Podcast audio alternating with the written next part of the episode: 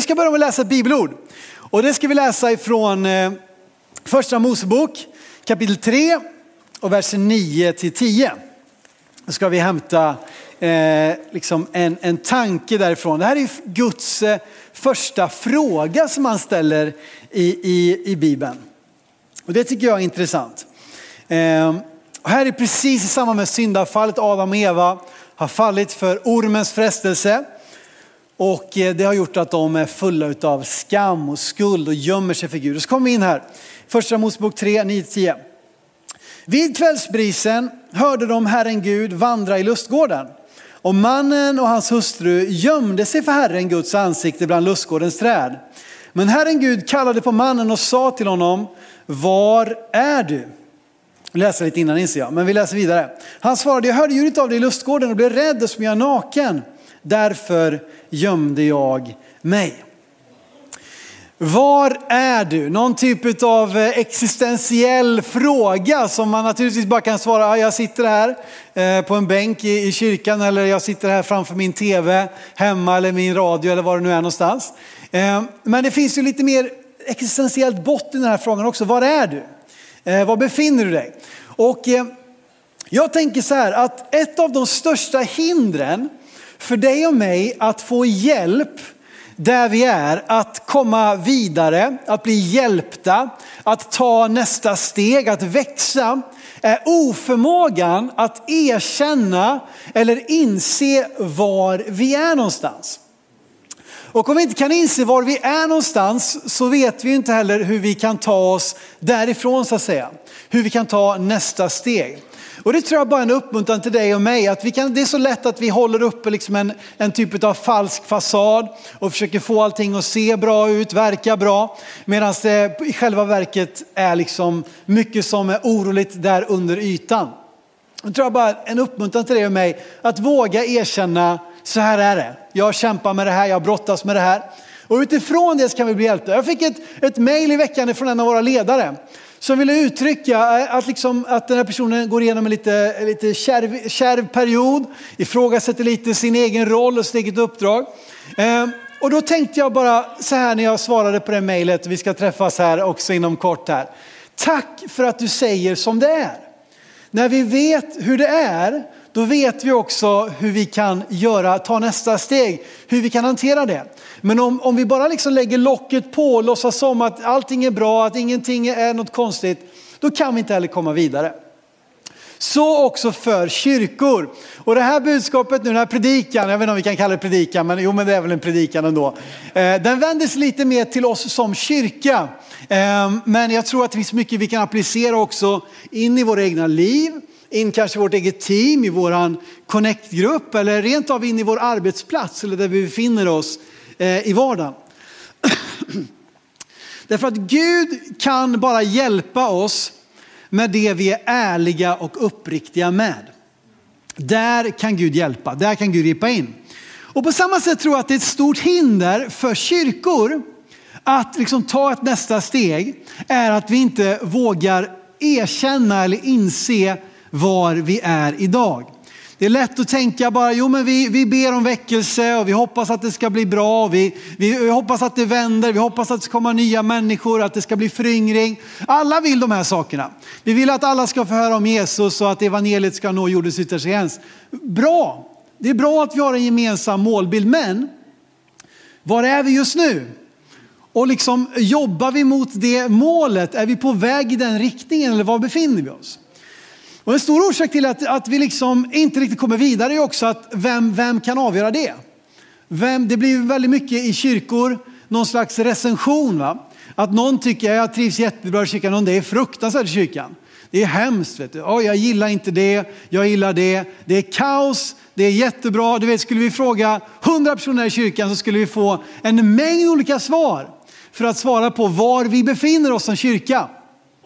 Men för ett par år sedan så kom jag i kontakt med eh, en, en modell om du så vill. Eh, och, eh, som heter The Unstuck Church. Och jag har en liten, det går inte så bra att översätta rakt av så jag har bara valt att kalla detta för kyrka som inte sitter fast. För det är det som är poängen, att inte sitta fast i status quo där vi varken kommer upp eller ner utan där vi, liksom, vi kommer vidare i vår process. Och på engelska då, the unstuck church. Jag ska berätta mer om det här alldeles strax.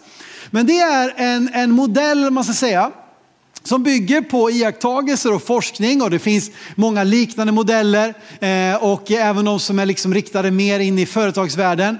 Bland annat den här som heter Predictable Success. Eh, alltså, eh, och som jag också har hämtat en del inspiration ifrån, också väldigt klargörande. En härlig skotte tror jag det är som har skrivit den här, han är underbar att lyssna på. Han har sån härlig dialekt. I alla fall, de här två liksom beskriver då en livscykel. Sju stycken stadier som varje kyrka befinner sig i förr eller senare. Och som sagt, det finns många liknande modeller och många är ju bara så här, men förr eller senare så dör vi. Eh, men det som är positivt med det här är att det finns vägar till att vi inte bara måste dö, utan vi kan få starta om, eller vi kan få komma till en plats där vi liksom befinner oss Eh, på liksom en god plats och inte behöver gå vidare in emot att okej, okay, förr eller senare dör vi. All right. Så på det här sättet så kan vi liksom få eh, eh, det här liksom ett språk, ett gemensamt språk där det inte bara blir godtyckligt om var vi är någonstans och, och sådär, utan där vi kan få ett språk för att beskriva detta. Och nu är det så här, nu har jag inte lagt de här i, i ordning inser jag, men vi ska se. Eh, mina fina brickor här. Men vart, det var väldigt, det var den sista, den sista jag letade efter. Det första vi är med om i en, eh, en organisation, en kyrka, är ju naturligtvis uppstart. Att någonting ska starta upp från början. Och det är en fas där det finns en, en tydlig vision, ett mål, någonting som ska hända. Och det är en, en väldigt härlig tid att vara i därför att allting är ju möjligt. Det är fantastiskt att få visionera. Därför att det kostar ingenting att drömma och visionera om att alla världens folk ska få en bibelöversättning på sitt språk. Eller att vi ska ha en kyrka för med 5000 människor. Du vet att det kostar ingenting och det är någonting härligt med det. Eh, och, och, därför så i en uppstartsfas så liksom finns det ett mål, det finns en vision, det finns en visionär. Eh, och sen då så kan det få, få växa vidare. Tack här Emma som ser mitt behov här och lägger det här i rätt ordning. Vi får se om du har koll på detta nu, det sätts du på prov här. Men det kommer de säkert lösa. Eh, och du vet att en bra vision kommer både attrahera människor men det kommer också avskräcka vissa människor. Eh, eh, eh, det ska, det ska attrahera fler än det avskräcker, annars är det ingen bra vision. Men en vision som inte avskräcker någon kanske är en för uddlös vision. Och att vi behöver faktiskt spetsa till så att vi vet vad är det vi blir en del av. Vad är det vi vill? Vad är det som är målet? Vad är det som är syftet med detta? Vi är i uppstartsfasen. Och sen då, om vi lyckas få lite fart på detta, om vi lyckas komma vidare eh, in i att få se att det vi drömde om, det vi pratade om, det vi visionerade och det vi gav och det vi liksom kämpade för, det börjar växa. Ja, då kommer vi in då i nästa steg. Jag ska bara säga det att här befinner sig ju naturligtvis många församlingsplanteringar, nya plantor. Ehm, och eh, Eh, också kyrkor som startar om. Eh, att etablerade kyrkor kan få göra en nystart, få börja om från början. Därför att man kanske har liksom kommit lite för långt och känner att vi behöver börja om från början. Eh, och det är väldigt mycket vår resa i den här kyrkan. Att vi har gjort en, en ordentlig kan man säga omstart eller nystart. Och, eh, och man får liksom en skjuts här, eh, i, den här i den här tiden. Jag ska säga det innan jag går vidare också att både i företagsvärlden och i församlingsplanteringssammanhang så pratar man ofta om att 80 procent av alla startups, 80 procent av alla församlingsplanteringar kommer aldrig vidare härifrån. Det stannar här. Och det är bara en krass verklighet. Och då kan man tycka, ja men då är det väl inte värt att starta någonting nytt. Ja men hallå, 20 procent lyckas ju. De kommer vidare. Eh, men jag tror också det kan vara lite befriande. Vi misslyckades, ja men vi försökte i alla fall. Ehm, så att, att det är så, att det är, liksom en, det är svårt att komma vidare. Det är svårt att få lyftkraft. Det är svårt att se tillväxt. Det är svårt att komma in i momentum. Att vi ser en momentumtillväxt. Att det vi har drömt om, att det vi har pratat om helt plötsligt börjar ta fart. Och det är en härlig tid att få uppleva. Eh, att, att det inte längre bara är någonting som står på en, i en visionsbeskrivning, utan någonting vi ser för våra ögon. Och det är som att varje gång kyrkans dörrar öppnas så kommer det nya människor och det kommer liksom, wow, nu börjar vi få döpa här och, och nya folk kommer till. Det är inte bara vi i det här kärngänget som startar igång, det är inte bara vi som alla känner alla, utan helt plötsligt, vem är du? Vad roligt att du är här. Och någon kommer till tro och någon kommer liksom bli ny och någon bjuder med sig någon. Och det är liksom ett momentum, det, är liksom, det, bara, det bara händer, plötsligt händer det. Och han är Les McCune då, Predictable Success, han kallar helt enkelt den här stadiet för fun, alltså roligt. Eh, att det, det är kul att vara där. Saker går snabbt, det är snabba beslut. Beslut är liksom på över en kopp kaffe, på stående fot liksom. Eh, och det, det, är lättrörligt, det är mobilt, eh, det, går, det går undan. Det är, det är en, en, en rolig tid helt enkelt. Det är inte säkert att ekonomin hänger med riktigt än. Därför att de som kommer med, alla de har inte lärt sig att, eh, att liksom ge eller vad det innebär att vara generös som Emma beskrev här alldeles nyligen. Eh, och det kan också anföras då som, ett, som en kritik. Ja men hallå, ekonomin då? Men det är en naturlig del av att vara i en slags uppstart eller när det växer och när det tar fart i en kyrka. Det är inte säkert att pengarna kommer med en gång. Men var inte orolig, de kommer, bara vi håller ut. Och det är också så här att, att det som är, man kan beskriva att det här är en fas med liksom ett hjälteledarskap. Där vi inte riktigt vet varför det går bra, varför det händer, varför det växer. Men det bara händer. Därför att han är så fantastisk. Och, wow, vi har en helt otrolig ungdomspastor. Det bara flockas unga människor runt den här personen. Ingen vet vad han eller hon gör. Ingen vet liksom kan, kan ersätta dem. Men det finns liksom hjältar som på något sätt bara wow, liksom lyfter taket och mycket händer. Men som sagt, det går inte att skala upp. Det går inte att multiplicera. Därför att det, det är en så liten grupp människor där allting hänger på några enstaka hjälteledare. Ehm, och eh, till slut så har det roliga vuxit så mycket att det börjar bli för komplext att hålla alla de här bollarna i luften. Eller det blir för mycket, den här gruppen av människor av kärngänget som har gjort allt det här, fått fart på det här.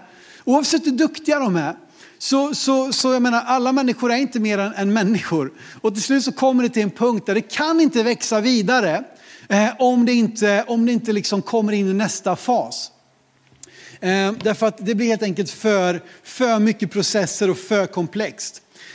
Och när den impulsiva tillväxten stannar av eller när den liksom inte kan omfattas längre så behöver man komma vidare eller man, man tvingas in i nästa steg, vare sig man vill eller inte, nämligen strategisk tillväxt. Och det som bara hände utav, eh, nu ska vi se den här fantastiska myggan här, men det blir säkert jättebra. Eh, det som bara hände utav sig självt här, eh, vilka duktiga medarbetare, jag liksom illustrativt predikan här med Emma som rättar till och Elin som räddar, räddar upp situationen. Exakt, ta, ta runt hela huvudet så, så kommer det sitta bra. Men när vi kommer in i det här tillfället, då är det inte längre bara momentum. Det är inte längre bara att det händer för att det händer.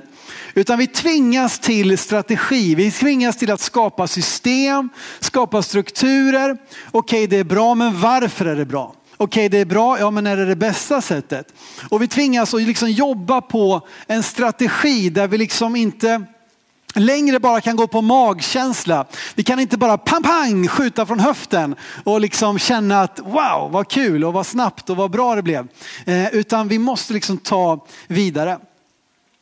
Om vi inte är villiga att göra detta så har vi lagt ett lock på liksom kyrkans tillväxt. Eller vi kanske tvingas tillbaka eh, in i uppstartsfasen därför att det kommer inte att hålla den dagen en av de här hjälteledarna inte längre är kvar. Och låt mig bara visa detta för er i Apostlagärningarna. Det är precis det här som händer. I Apostlagärningarna kapitel 6. Eh, och ni känner till här, det har ju hänt en, en väldig massa. Det har varit pingstdagen, 3000 blir döpta. Eh, och det, det, står i de första kapitlen, det kommer ju människor till tro hela tiden. Och så kommer vi fram till kapitel 6 och det är så spännande att läsa den här. Eh, för det här visar en så viktig sanning, de här första verserna. I Stora Apostlagärningarna 6, vers 1. Vid den tiden när antalet lärjungar växte yes, det växer. Det är väckelse. Det händer. Nu händer det som vi har bett om, det vi har kämpat för. Vad händer då? Då står det, då började de grekisktalande judarna klaga på de hebreisktalande över att deras änkor blev bortglömda vid den dagliga matdelningen. Då kallade de tolv till sig alla lärjungarna och sa, det är inte bra om vi försummar Guds ord för att göra tjänst vid borden. Alltså, man växte så det knakade. Och det finns ofta en romantisk bild av tillväxt. Att åh, vi alla längtar efter, efter tillväxt tills det händer. För tillväxt innebär att jag inte längre känner alla. Att jag inte längre vet allting. Jag är inte längre involverad i alla, alla beslut. Allting går inte genom mig. Alla frågar inte mig. Och det kan vara en jobbig tid eh, att uppleva faktiskt. Det är precis som det var här. Därför att nu blir det ett problem då liksom där vissa personer tyckte att ja, men hallå, ni, ni favoriserar dem före oss. Och så stod de här apostlarna här, de här tolv liksom, och hade full sjå med att lösa de här grejerna. Eh, och då säger de här, men vi måste, vi måste ägna oss åt ordet och bönen. Eh, vi måste hitta nya människor som kan kliva in och så tillsätter man ledare då för att ta hand om matutdelningen. Betyder det att matutdelningen var oviktig? Absolut inte. Det är ju absolut på Guds hjärta att få hjälpa de nödställda. Och jag är så stolt och tacksam, vi pratar ju så ofta om det, att vi faktiskt var med att göra just det två gånger i veckan genom Mathjälp med dela ut mat. Men det var inte rätt, det håller inte att, så att säga, apostlarna skulle göra allting. Utan man behövde komma in i liksom en strategisk tillväxt så att säga. Jag ska ge ett citat där från Tony Morgan som har skrivit den här boken att det är möjligt att göra Guds verk utan att göra det Gud har kallat dig till. Hänger du med? Det är möjligt att göra Guds verk utan att göra det Gud har kallat dig till. Alltså vi kan vara fullt uppe med att göra saker som är, som är, som är på Guds hjärta. Men frågan är, är det det han har kallat mig till? Är det det han har kallat oss till? Ehm, och då kanske det är så att det är någon annan Gud har kallat just till det. Och att jag ska gå vidare för att kunna göra det som han kallar mig till. Sådär, Vi behöver varandra, vi behöver växa. Ehm, och i den här fasen är kyrkan för första gången underprocessad.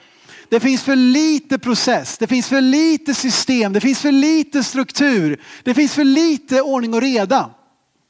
Ehm, och jag älskar ett annat citat som du får här också av Rich Wilkerson. Han sa så här, we don't rise to the level of our visions, we fall to the level of our systems. Alltså vi stiger inte upp till nivån av våra visioner, vi faller till nivån av våra system. Och det är väldigt, väldigt sant. För om det bara vore så enkelt att vi har en stor vision så händer allting automatiskt. Men jag menar, jag lovar dig, alla de som börjar här, de där 80 procent som inte lyckas, alla de hade en stor vision förmodligen. Eller hyfsat stor. Men det var orsaker till att de inte kunde nå upp dit, därför att de fick inte de här systemen, de fick inte ordning och reda som möjliggjorde tillväxten. Men om vi gör det hårda arbetet utav att eh, ta oss igenom strategisk tillväxt, att processa, att skapa ordning och reda. Att inte bara okej, okay, jag har ingen aning om hur ungdomsarbetet funkar, jag har ingen aning om hur lovsångsteamet funkar. Det är bara, han är fantastisk, hon är fantastisk. Men vi vet varför saker funkar. Vi vet, vi kan sätta in en ny människa in i den här rollen. Vi vet hur vi tar människor på en lärjungaresa. Eh, för att som kyrka är det något av det viktigaste i den strategiska tillväxten. Okej, okay, människor kommer till tro, nya människor kommer. Men vad har vi för tydlig väg att gå från en ny besökare till att vara en, en, en trygg och mogen lärjunge till Jesus Kristus? Har vi en sån, vet vi hur den strategin ser ut? Vet vi hur den resan är? Vet vi de här stegen hjälper vi människor på? Därför att annars är ju risken att, att, eh, ja, att vi inte tar hand om all, det, all den skörd och den frukt som Gud ger. Men om vi gör det så kan vi komma vidare till det som är piken, det som är målet, nämligen hållbar hälsa. Att vi befinner oss på en plats där vi har en hälsosamt sammanhang eh, och eh, som, som liksom får, får, får växa över tid. Och det här är ju höjdpunkten som sagt. Och kyrkor som befinner sig här reproduceras, multipliceras i, i, i växande team, växande connectgrupper, eh, växande gudstjänster, växande eh, gudstjänstplatser eh, och så vidare. Därför att det, helt plötsligt, det som inte gick att multipliceras här, det går att multipliceras här i hållbar hälsa. Och du vet att tillväxt är inte tillräckligt. Allting som växer är inte, är inte bra. Du frågar den som har cancer till exempel. om det som växer alltid är bra. Eller alla vi som har trädgårdar, om allting som växer är det vi vill ska växa. Nej, det är inte säkert. Men det som är hälsosamt, det växer. Eh, och därför tror jag att fokuset för oss som kyrka och för oss personligen är att få hitta hälsos, hälsa. Hälsosam kyrka, hälsosamma liv, hälsosamma team, hälsosam teologi, hälsosam omsorg. För att när vi har det, då kommer det att växa. Då kommer kyrkan liksom ta nästa sak, eh, kunna ta nästa steg. Och här nu så behåller man liksom att det finns en synergi här mellan risk och mellan process. För att det inte får inte bli för mycket process, utan vi har fortfarande drömmar, vi vågar fortfarande ta risker. Men liksom med, med, med, med teamet i ryggen och så vidare. Det finns helt enkelt en sund balans mellan vision och mod, strategi och process. Och här då så kan vi få växa och ta nästa steg. Gemensamt för alla de här fyra första faserna är att fokus är på människor som vi vill nå.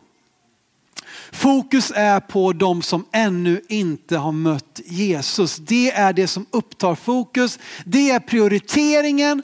Det är, liksom, det, är det som är för våran blick i beslut vi fattar. Ehm, och risken är att när vi börjar tappa den där varför-faktorn, när vi börjar tappa fokus på dem vi vill nå och bli mer fokuserade på dem vi vill behålla, när vi, börjar liksom, eh, när vi börjar begränsa visionen därför att det verkar för farligt och det blir liksom för mycket process. Då kommer vi in i den första fasen på väg nerför som kallas för underhåll. Eh, och det som är skillnaden på strategisk tillväxt och underhåll, de kan se väldigt liknande ut. Men här är fokus snarare på varför, så är det mer fokus på hur. Nej men så där kan vi inte göra för här gör vi så här. Om man börjar tappa bort varför-faktorn att vi vill nå nya människor med att hallå vi får inte reta upp liksom våra givare här. Vi får inte göra så att han eller hon som har varit med ett tag inte känner sig bekväm på bekost. Liksom. Det börjar bli mer fokus på dem vi vill bevara. Eh, och helt plötsligt så istället för att processerna, strukturen, systemen hjälper visionen så ska visionen anpassa sig efter strukturen. Och visionen får inte, app, app, app, app, du måste fylla i ett formulär för det där. Och så vidare. Du får inte ta det här steget och det blir liksom en överprocessad, eh, överprocessad eh, kyrka. Och ett en bra sätt att, att veta, är det här, är vi liksom, eh, eh ett bra sätt att veta om det, vilket det är då, det är att, att använda den här tanken om vad är tjänare och vad är herre. Och nu pratar vi inte om att det är naturligtvis Jesus är herre, så liksom, var inte orolig. Men när det kommer till exempel till system och vision, vad är tjänare och vad är herre? Här måste visionen få vara herre och systemen ska hjälpa, betjäna visionen. Men när det börjar bli tvärtom, samma sak med pengar i våra liv. Är pengar en herre i ditt liv Ja, det varnar Bibeln för. Kärlek till pengar är en, är en rot till allt ont, står det. Men eh, om, om pengar kan vara en tjänare som kan tjäna ett syfte, ja, då är det ju kanon med pengar. Men om pengar är någonting jag jagar efter. Så vad är tjänare och vad är herre? Därför att här nu så, så det luriga här är att i den här fasen, till skillnad från här, är att ekonomin ser fortfarande bra ut. Därför att de som är kvar är ju människor som är överlåtna, som har lärt sig att ge, du vet att gräsmattan den klipps fortfarande. Det är ordning och reda i pärmarna för att vi har byggt upp en struktur, vi har byggt upp system som hjälper oss. Men det vi börjar missa är att vi har tappat bort varför. Vi har tappat bort att hallå, vi ska ju faktiskt nå nya människor. Och om vi inte aktar oss om vi inte stannar till, om vi inte inser detta så att vi kan navigera upp igen, att vi kan liksom kalibrera tillbaka och låta liksom lite mer vision, lite mer risk, lite mer tro, lite mer liksom varför når nya människor. Då hamnar, här är mina skyltar, eh, då halkar vi ner i nästa fas som är bevarande. Bevarande. Nu blir det ännu mer revirtänk att vi måste bevara och vi börjar liksom kanske se att, att, att vi har inte, vi har inte, det är inte bara status quo utan vi börjar rent av minska lite grann. Och om vi minskar lite grann då är det viktigaste av allt det att ingen, fler, ingen mer lämnar. Eh, och så blir det ännu mer liksom fokus på att vara kvar. Eh, att ha kvar det vi en gång har haft. Och eh, eh, en, en sak som jag också har tänkt på är att i den här nedåtgående spiralen Så ju längre ner vi kommer här, desto mer dåligt samvete ger vi till de som faktiskt lämnar. Det blir jobbigt att lämna ofta en kyrka som är här någonstans. Därför att jaha, ska du också svika nu? Ska du också byta kyrka nu? Ska du också ge upp?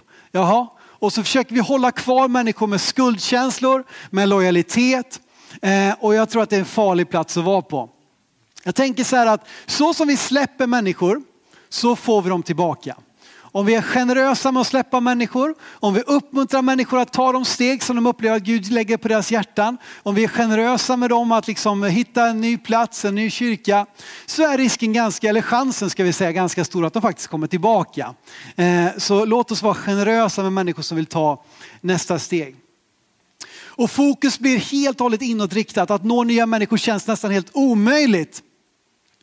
Och grejen är så här, att det här kan pågå ganska länge för ekonomin är ju fortfarande helt okej. Okay. Och som sagt, mycket funkar fortfarande även om det börjar bli kämpigt också här.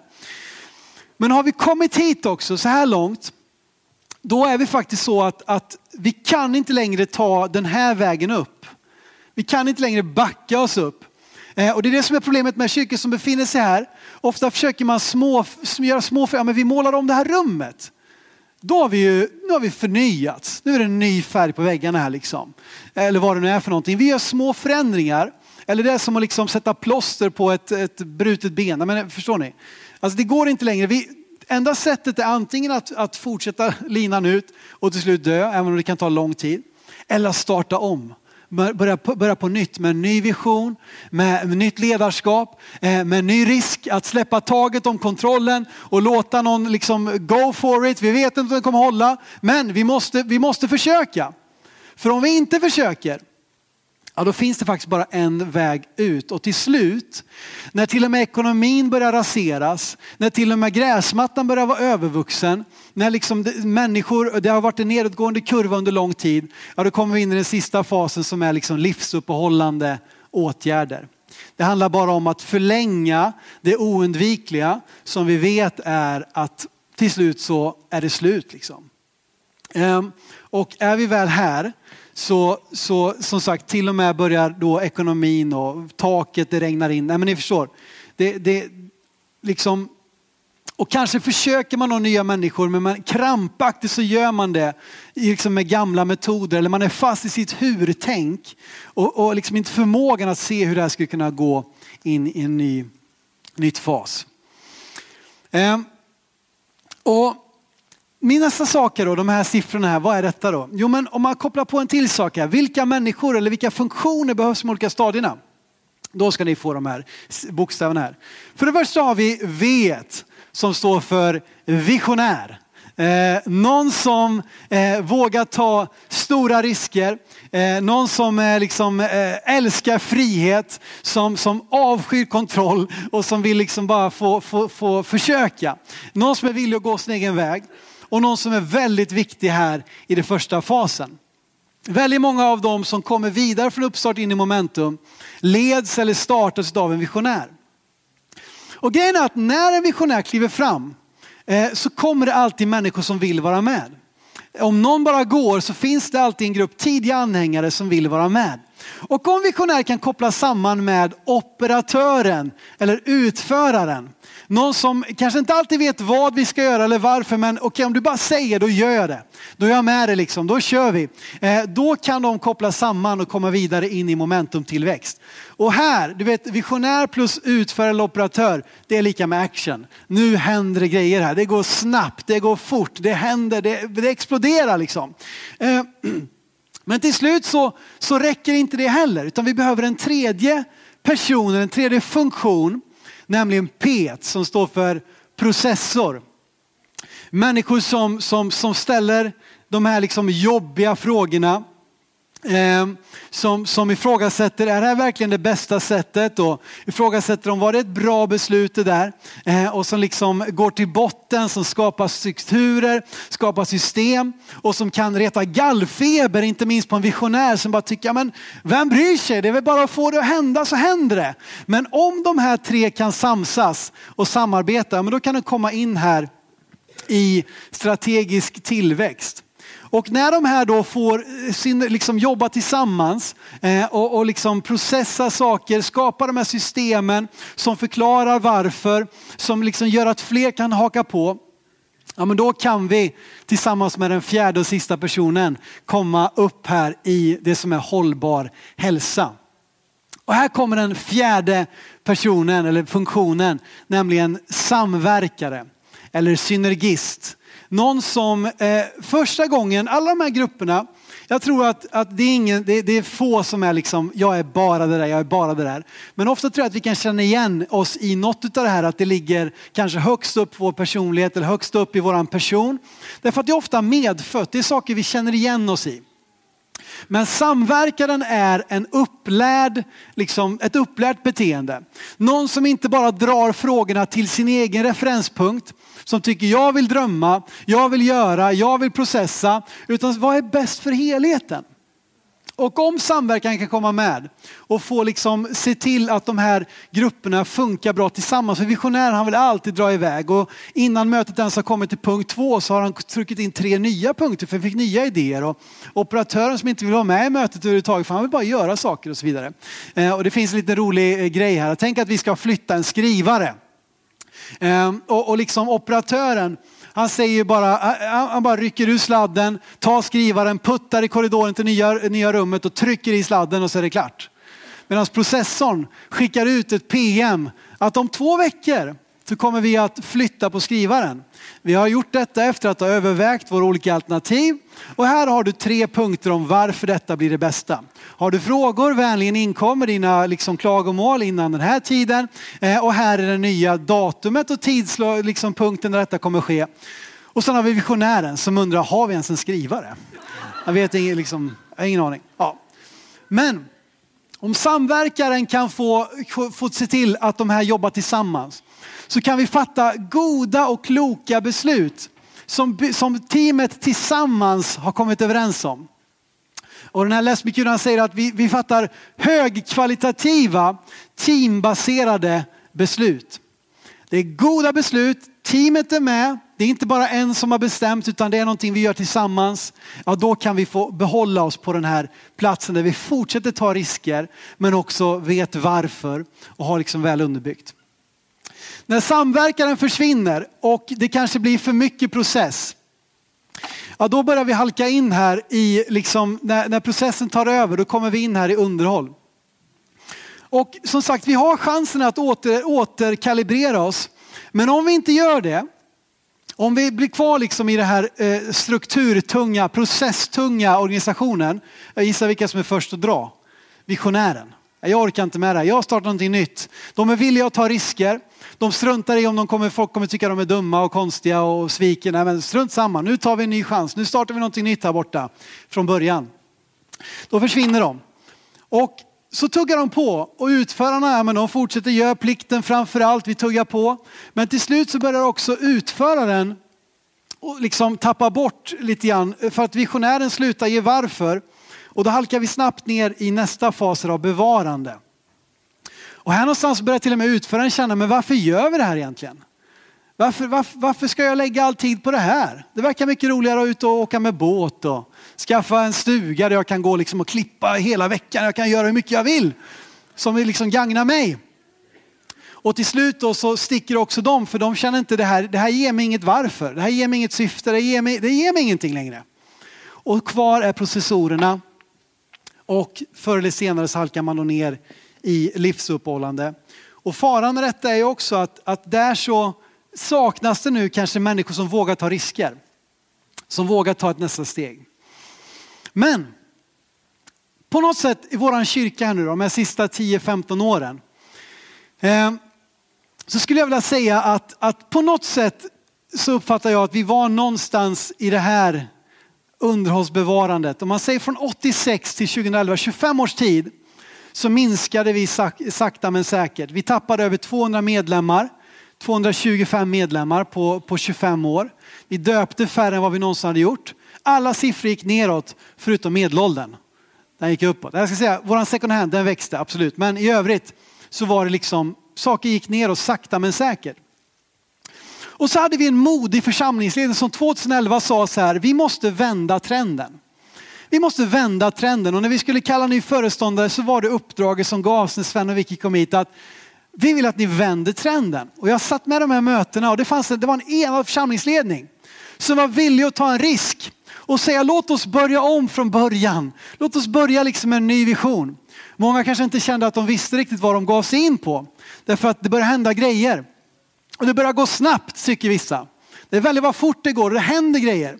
Men vi fick börja om med en ny vision. Vi fick börja se liksom, eh, eh, att människor börjar döpas. Sne, sne, medelåldern börjar gå ner. Dopsiffrorna börjar komma tillbaka till där vi har liksom legat historiskt sett. Och medlemsantalet börjar växa. Till att börja med hänger inte ekonomin med. Därför att vissa tycker inte om förändring. Förändring är jobbigt. Förändring vill man inte vara med om och då slutar man att ge.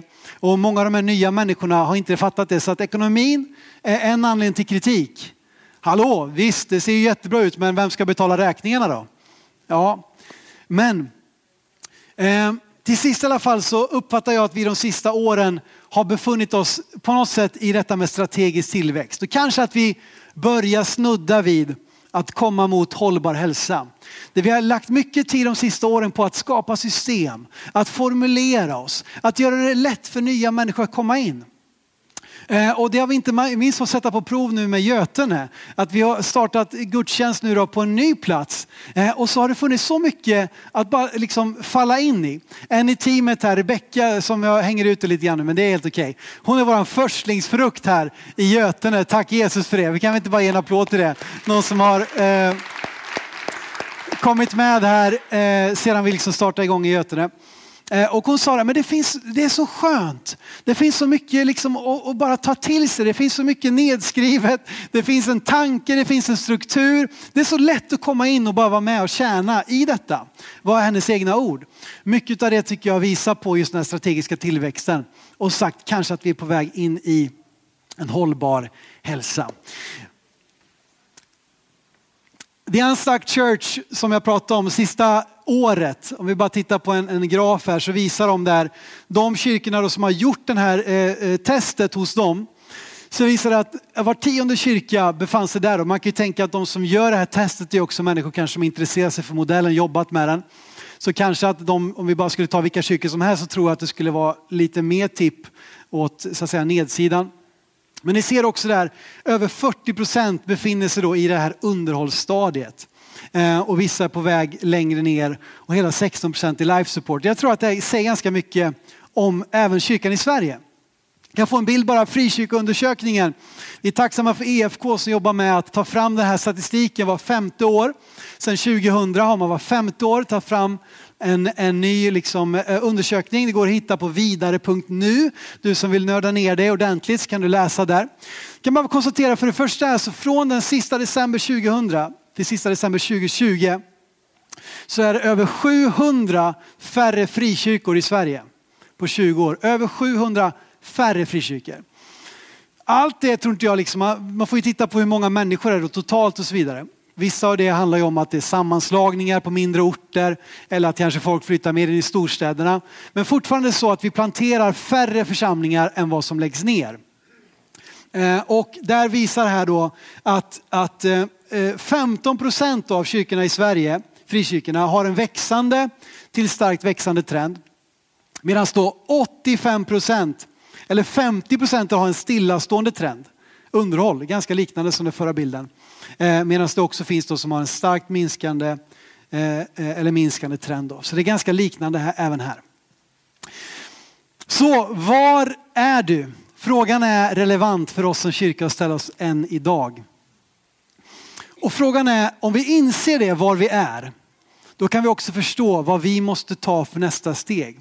Det kan vara ett steg som är jobbigt, som är obekvämt, men som vi inser om vi inte gör detta, om vi inte tar det här steget, så är vi liksom, då vet vi var vi hamnar.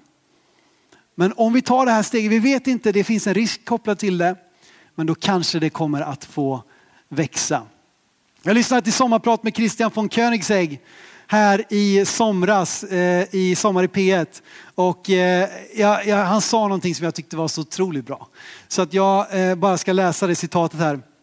Han sa så här, var realistisk om ditt nästa steg och gör det inte för stort.